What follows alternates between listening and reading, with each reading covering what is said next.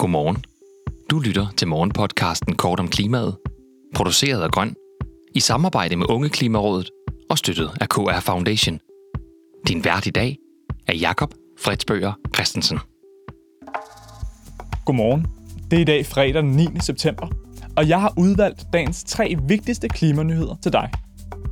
Vi skal ind i Europaparlamentet, som vil fratage biomasse det stempel som bæredygtigt.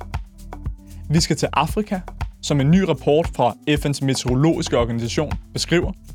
Og endelig skal vi til Esbjerg, hvor planerne om Power to X bliver mere og mere konkrete.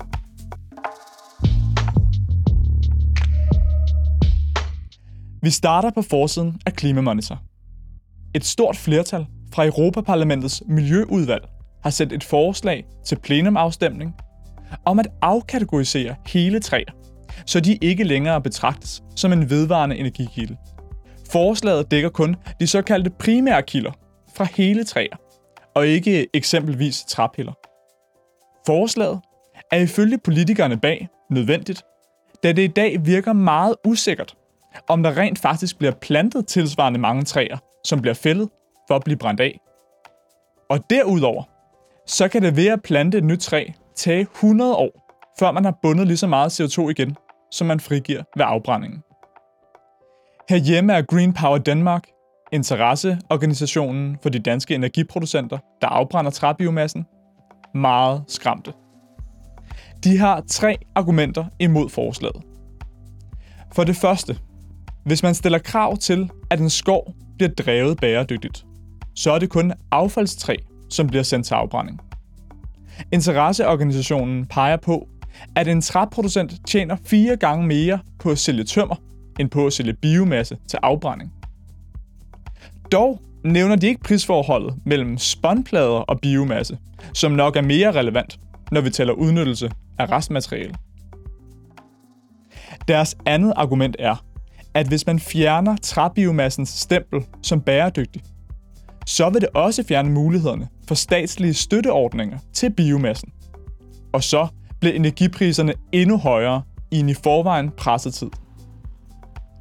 Endelig er deres tredje argument, at vi i Danmark bruger så meget biomasse, at hvis vi først ikke længere kalder det for bæredygtigt, så har vi mistet en tredjedel af vores grønne energi fra det ene øjeblik til det andet. Og så kan vi godt vinke farvel til at indfri vores målsætninger i år 2030. Ifølge tal fra Energistyrelsen udgjorde fast biomasse 64% af vores vedvarende energi i Danmark i 2018. Langt mere end vind- og solenergi til sammen. Og vi importerer det meste træbiomasse og de fleste træpiller. Så der er ikke træarealer nok i verden, hvis resten af verdens lande vil omstille deres energiproduktion med os som eksempel.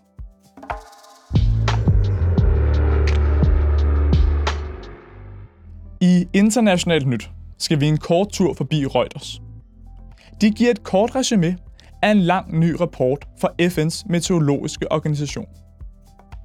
I rapporten advarer de, om syv år vil fire ud af fem afrikanske lande ikke have vandressourcer nok. Alene vandmangel vil inden for de næste syv år fordrive 700 millioner mennesker fra deres hjem. Det er så heldigt for danske politikere, at Rwanda bare kan tage imod. I Rwanda er det allerede i dag kun 57 procent af befolkningen, der har rent drikkevand inden for 30 minutters gåafstand.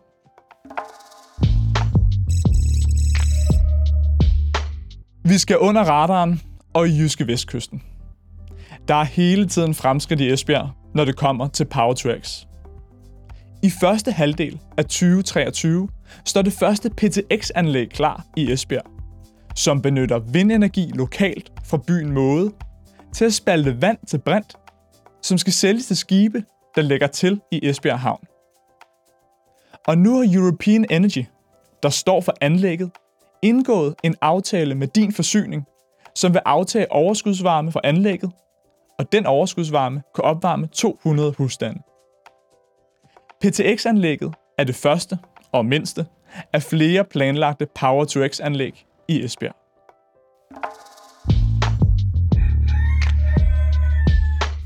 Dagens solstrålehistorie finder vi i Værløse bymitte.